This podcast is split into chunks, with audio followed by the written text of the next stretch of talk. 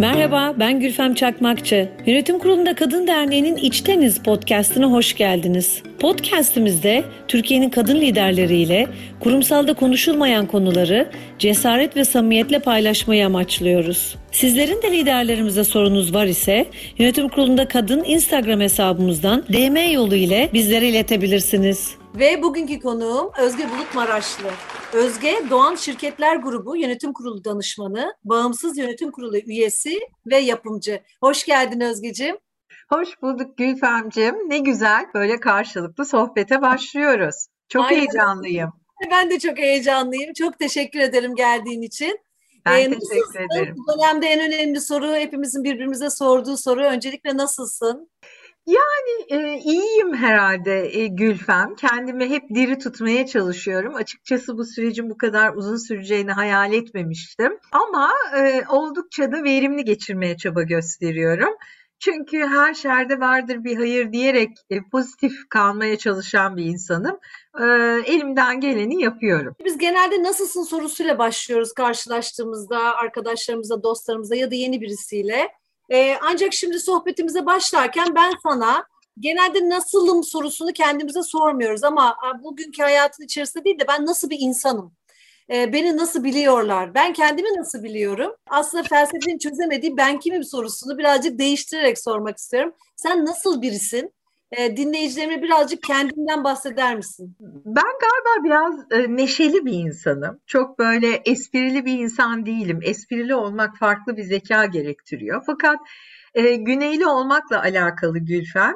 E, orada doğup 18 yaşına kadar orada büyüyünce, aileniz böyle olunca çok böyle eğlenen, e, ses tonu yüksek, Ondan sonra e, tipik Akdenizli bir insan olarak kendimi görüyorum. Hiç de o yanımdan vazgeçmedim çünkü böyle olmayı çok seviyorum. Bunun yanı sıra herhalde e, arkadaşlarım, eşim, dostum e, benim e, yardımsever ve e, insanları birbiriyle buluşturan e, bir referans merkezi oluşturan bir insan olduğumu düşünüyor olabilir. Yani bunu çokça gözlemliyorum. Bu yönde de insan kendini anlattığı programlarda veya belli bir zamandan sonra iş hayatımda ben 29 yılımı bitiriyorum. E, okulu da üzerine koyduğun zaman birdenbire karşına kocaman bir 35-40 yıldan beri başka bir dünyada kendini anlatan insan e, çıkıyor. O anlatımlar esnasında da görüyorum ki yardımsever e, ve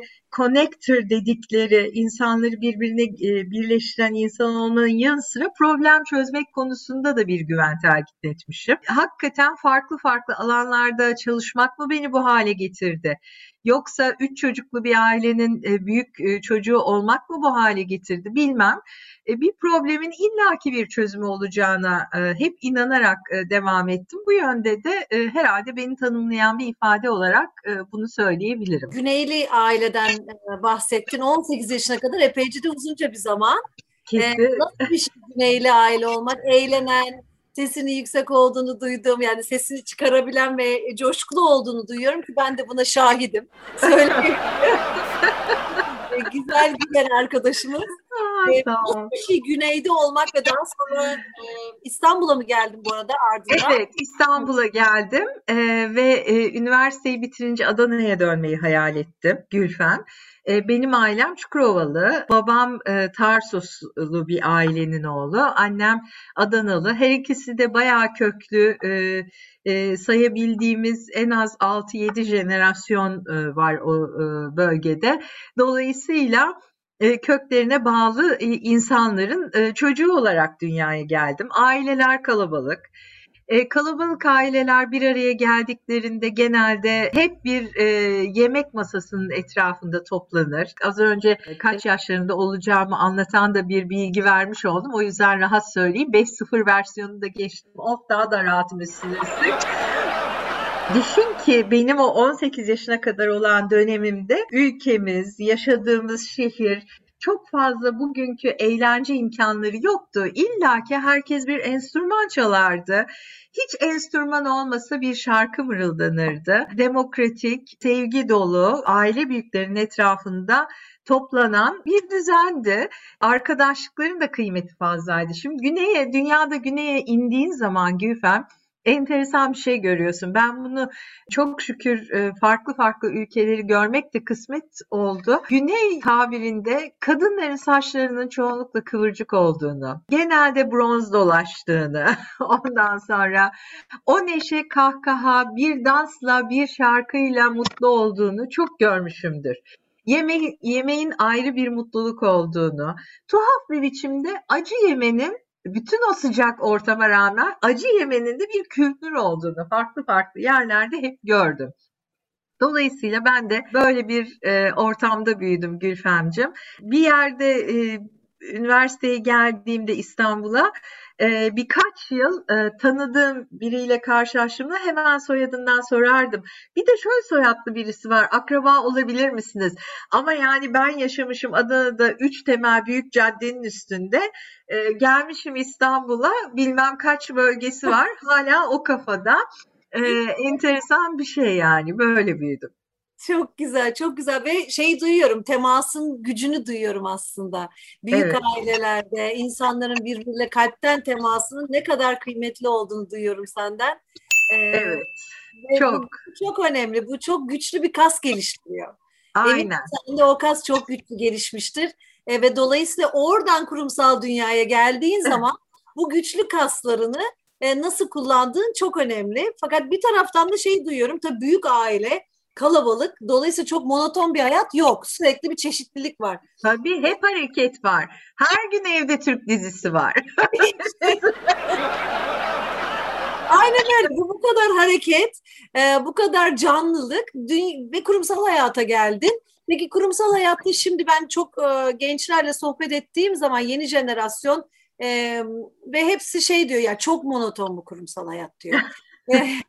Şimdi sen de gençlerin içindesin çünkü e, yapımcısın, e, evet. Doğal Şirketler grubundasın ve bir sürü yeni genç arkadaşımızla da berabersin. Ve senin bu deneyiminden de gelip bugüne baktığın zaman bu monotonluğu nasıl deneyimliyorsun? Nasıl kırabiliyorsun? Gülfem hakkımda bilmediğin bir şey anlatacağım. Babam e, teknik üniversiteli double major yapmış. Almanya'da e, üstüne e, çalışmalar yapmış bir mühendisti. Ve iş hayatı babamın e, hayatımızın merkezindeydi Gülfem. Özel sektörde çalıştı. E, çok genç yaşta genel müdürlük yaptı. Türkiye Çimento Sanayi'nde, Türkiye Petrollerinde aktif roller aldı. Sonra da kendi işini yapmaya karar verdi. Kendi işini yapmaya karar verdiği dönemde de bütün profesyonel izleri e, tamamen taşıyordu. Ve biz hiçbir akşam yemeğinde çekirdek aile olarak oturduğumuzda iş konuşmadan, Türkiye'nin ekonomisini konuşmadan hiçbir anımızın e, geçtiğini hatırlamıyorum.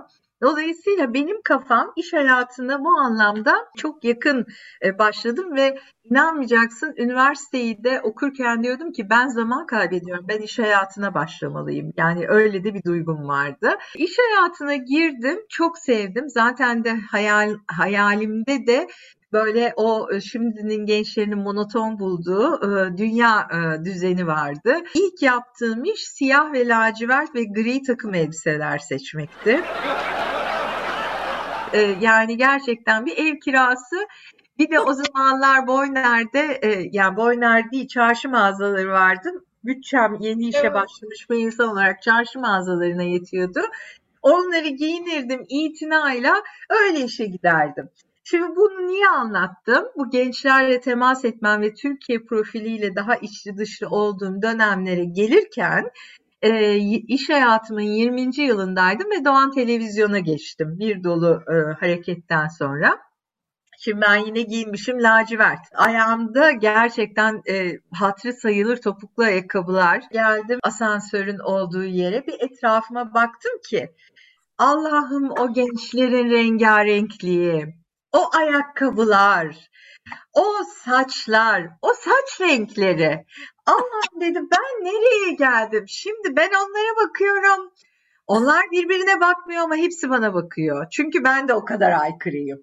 Neyse zaman içerisinde daha da e, kaynaştım ve medyayı çok sevdim. E, tabii biraz ailenin içinde de çok sanatla iç içe bir yaşantım olduğu için medyaya adaptasyonunda çok büyük bir e, mesele yaşamadım.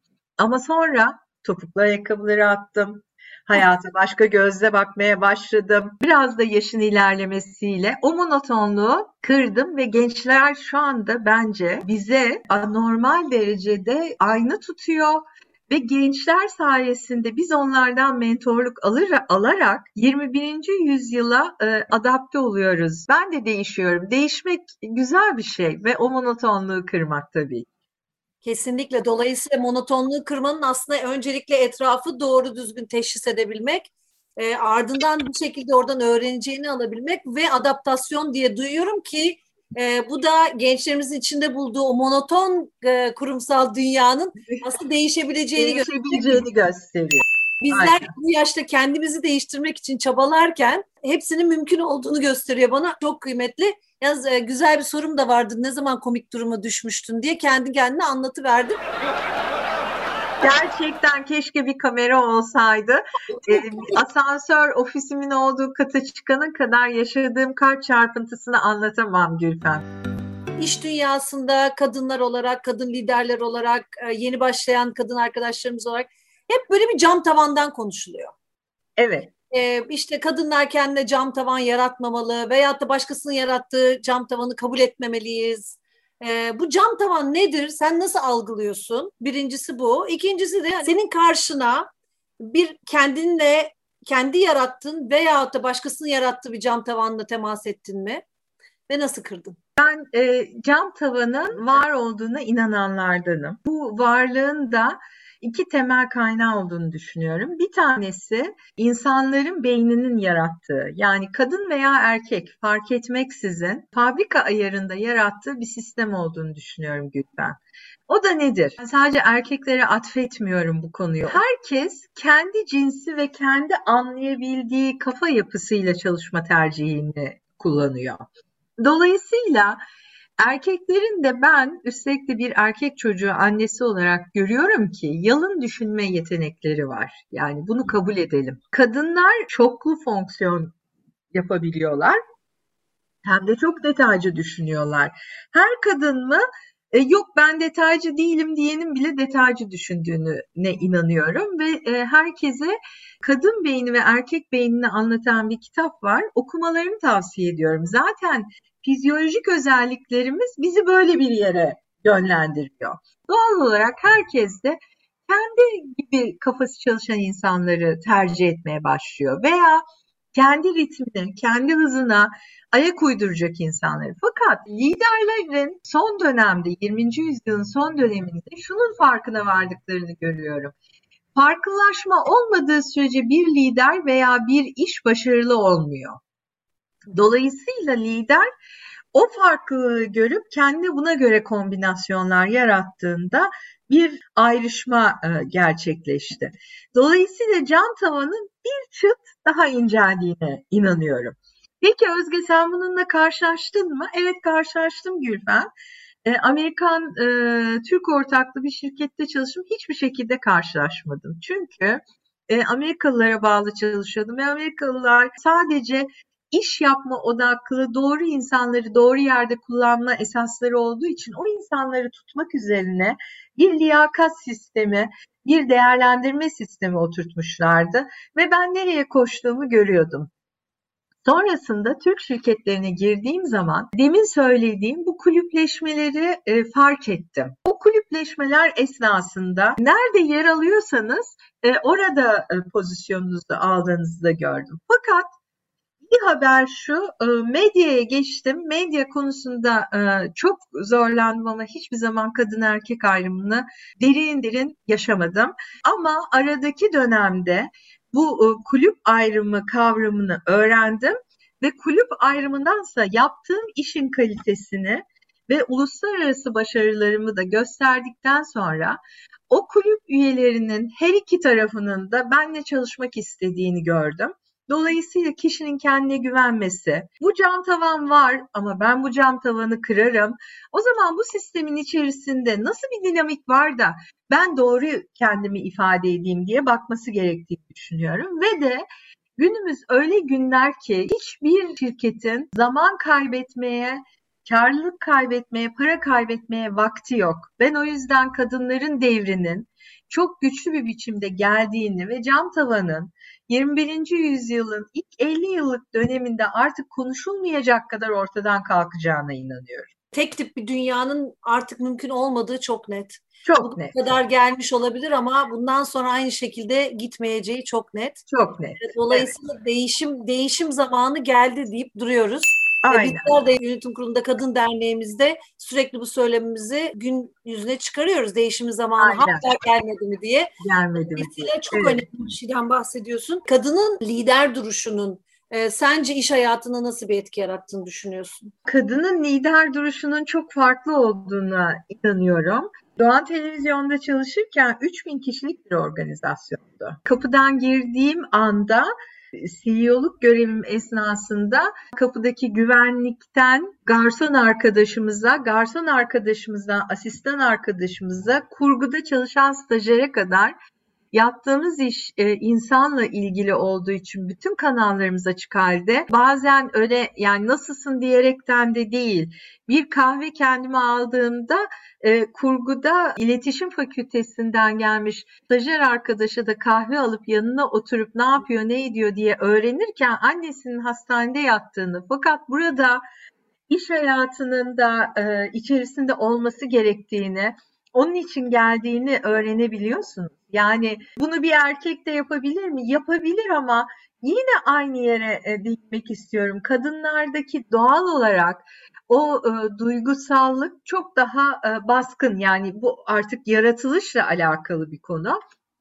Ve hissediyorsunuz o çocuğun o gün oraya elini kolunu her zamanki gibi hareket ettirerek gelmediğini hissediyor, hissettiriyorsunuz. Veya kendiniz için bir poğaça alırken tüm ekibe alsam da hep birlikte poğaça yiyip e, çayımızı içsek duygusu e, baskın çıkıyor gibi konular var. Ben kadınların e, bu anlamda liderliğinin ve empatisinin çok güçlü olduğuna inanıyorum. Bir de çok fonksiyonlu düşünebilme yetileri herhangi bir konuya 360 e, yaklaşmak konusunda daha üstün bir yanları olduğuna inanıyorum.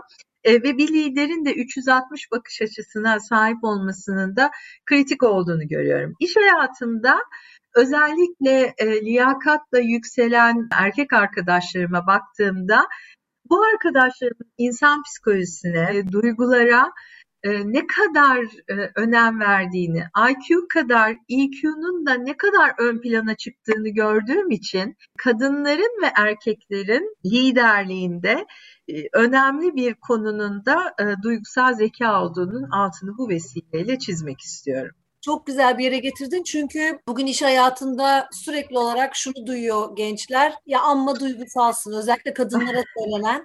Amma da duygusalsın.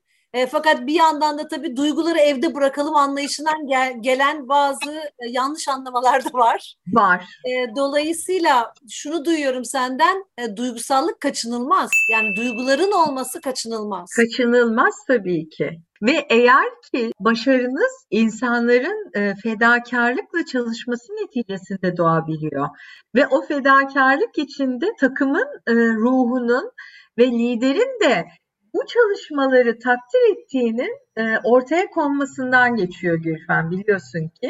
Bugün e, ben e, yönetim kurullarında da benzeri bir yaklaşımı görüyorum. Yönetim kurullarında mesela bu Covid esnasında içinde olduğum şirketlerde e, kadınlarla ilgili kararlar verilirken özellikle dijital ortamın bize sağladığı imkanlar nedeniyle çok daha esnek davranıp onlara karşı onlardan aldıklarını geri çekmiyorlar bak. Yani herkes hizmetini sonuna kadar yapıyor. Ee, ama onlara karşı anlayışlı davranabilecek modeller de oluşturabildik. Yani Covid'in bize e, sağladığı en önemli konulardan birisi bu oldu. Fakat ne oldu? Bir şey eksik ge- gelişti. Bunu başaramayan şirketler nedeniyle bugün dört kadından bir tanesi Covid esnasında işsiz kaldı.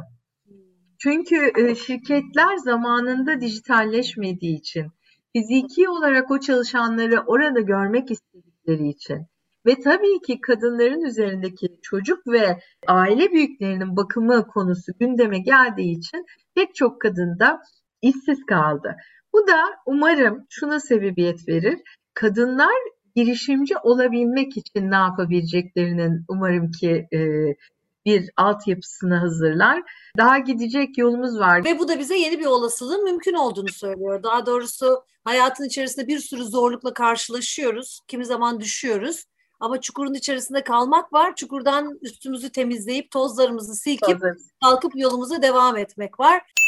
Sen düştüğünde ayağa kalkmanı ne sağlıyor? Çok şaşıracağın bir şey sağlıyor diyeceğim. Bir takım şeylerin hayatımda değiştiğini gördüğüm zaman diğer faktörlerin değişmemesini e, sağlamaya çalışırım. Artık ekonomi eğitimimden midir bilmiyorum. Ceteris paribus yani her şey aynı kaldı ama şu bölüm e, değişti. Hep hayatı bu şekilde e, yönetmeye çalıştım ve bu diğer değişkenlerin değişmemesi için de ayakta durmam gerektiğini e, düşündüm. O bana güç verdi. E, tabii ki e, hayatınızdaki önemli taşlar değişirken beraberinde diğer taşların da değişmesini getiriyor. Ama önce oraya odaklanmanız gerekiyor. Bütün cephelerde savaşı kazanmanız teknik olarak mümkün olmuyor. En azından ben e, hep bu yöntemle ayağa kalktım. Nereye odaklanmak gerekiyor dedin ya bugün dünyadaki en önemli para birimi dikkat. Dikkatimizi satın alıyor birçok şirket. Buna yeni para birimi deniyor. E, peki sen dikkatini en çok nereye harcıyorsun bu paranın? Dikkat paramın en büyük bölümünü oğluma harcıyorum. Yıllar çok e, hızlı geçiyor ve o da tam gelişme çağında, hayatında taşları oturtma çağında onunla ilgili odağımı e, hiçbir koşul altında kaybetmemeye özen gösteriyorum. İkinci e, büyük odağımı yaptığım işlere e, veriyorum. Çünkü şu anda en büyük değişkenin e, sağlık ve ayakta kalmak olduğunu e, gördüğüm için teteris paribuslarıma e, dikkatimi e, veriyorum. Bunların sabit durması lazım. Oralara bir sahip çıkayım ki bu değişkenler içerisinde ritmimi ve diri duruşumu e, kaybetmeyeyim. Dikkatimizi nereye verirsek orası büyüyor senin bütün bu yolculukta bir sürü değişime şahit olduğunu tahmin ediyorum. Dünyadaki değişimler, e, medya çünkü çok hızlı değişiyor, teknoloji değişiyor, her şey değişiyor. Dolayısıyla şu ana kadar böyle söyleyecek olsan şahit olduğun en ilginç, en büyük değişim neydi senin için? Benim için en büyük değişim cep telefonuydu Gülfen. Çok e, hoştur e, cep telefonuyla sınavım. İlkokula gittiğimde evimizde siyah bir e, telefon vardı. Böyle her numarasını çevirdiğimizde zil öterdi. Çok önemliydi. E, şehirler arası telefon bağlatırdık. Şehirler arası telefonun da çaldığını kaçırmamanız için sürekli yetişmeniz gerekiyordu. Santral memurları vardı. Sonra e, liseye geçtiğimde e, bayağı e, şehirler arası kodlar gelmişti. Fakat o zaman da yurt dışını arayamıyordunuz. Yurt dışında halam oturuyordu. Başka bir halamla postaneye gidip e, sıra beklediğimi bilirim. Üniversiteye geldim. Boğaziçi Üniversitesi'nde yurtta kalıyorum ailemi aramam için e, ankesörlü telefon e, sırası bekledim. Sonra kartlı telefona geçtik. Büyük bir e, devinim tabii. E, ta ki bu macera e, 95 yılına kadar e, sürdü. Sonra Motorola ve Ericsson'un gerçekten tabiri caizse takoz formatındaki telefonları çıktı. Cüzdanınızdan daha ağır bir şey çantanızda taşırdınız. Ondan sonra ve e, ben gelmişim o arada e, 25 yaşına e, defter vardı hatırlarsan telefon defteri. Evet. Telefon defteri kullanım e, şeyi vardı yani anlayışı. Hatta ben çok iyi hatırlıyorum ki 2000'li yıllara kadar da şirketler birbirlerine hediye gönderirken telefon defteri de hediye ederlerdi. Yani not edebileceğiniz. Şimdi hayatım şöyle geçiyor.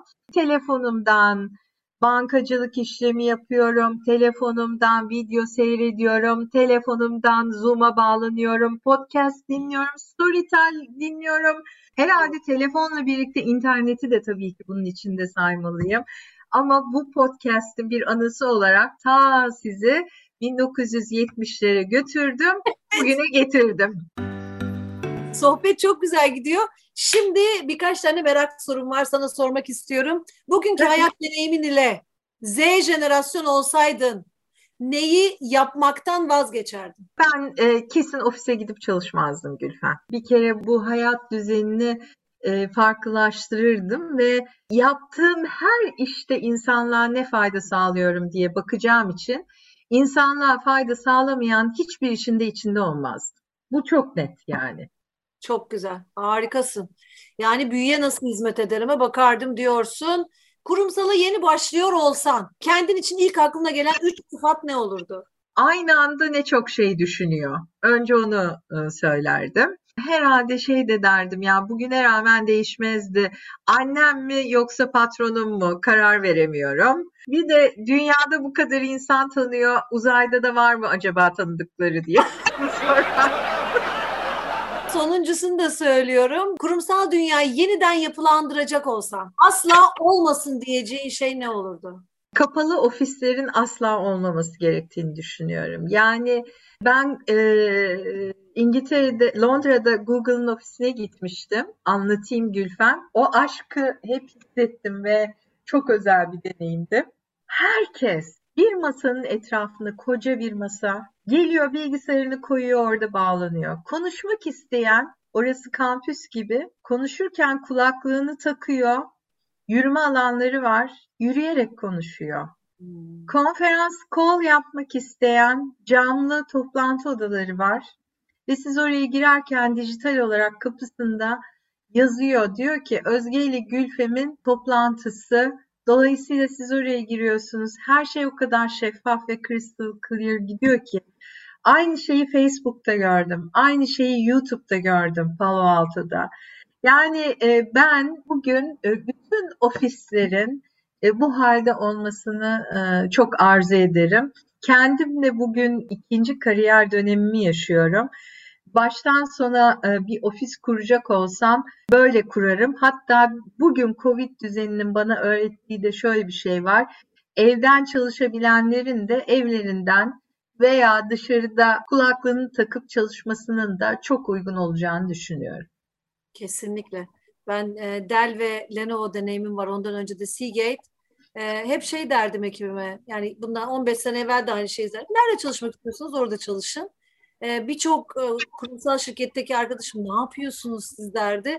Ne kadar o zamanlar tabii yabancı şirketlerde bu kültür dediğin gibi çok gelişmiş. Ama bize de geldiğini düşünüyorum. Dolayısıyla şahane bir dünyadan bahsediyorsun. Şimdi sohbetimiz çok keyifli ama sonuna da geldik Özgecim.